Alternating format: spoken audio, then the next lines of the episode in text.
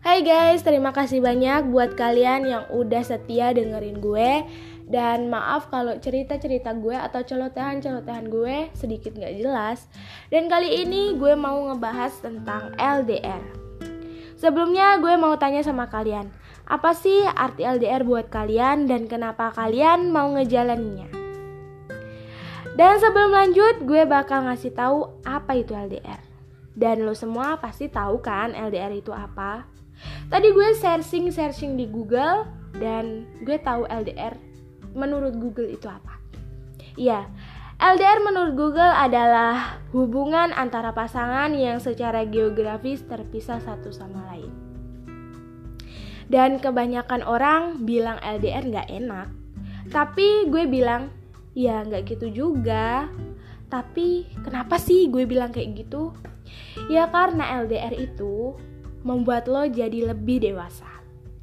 Membuat lo jadi orang yang sabar dan membuat lo bisa nepatin janji.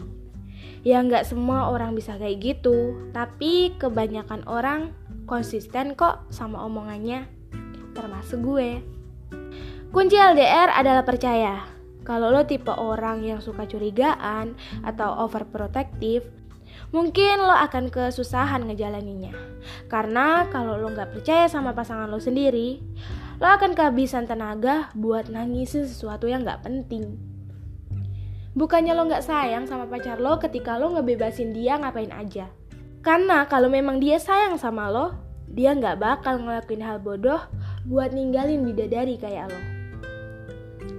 Tetap jadi perempuan yang apa adanya tanpa menuntut yang berlebihan kepada pasangan jika belum mampu. Jalani saja hari-hari kalian dengan rindu yang tak kunjung bertemu. Mungkin belum waktunya kalian bertemu. Yakinlah, Tuhan punya rencana baik di luar sana. Jadi, terima pasanganmu dan terima jarak menemani kalian.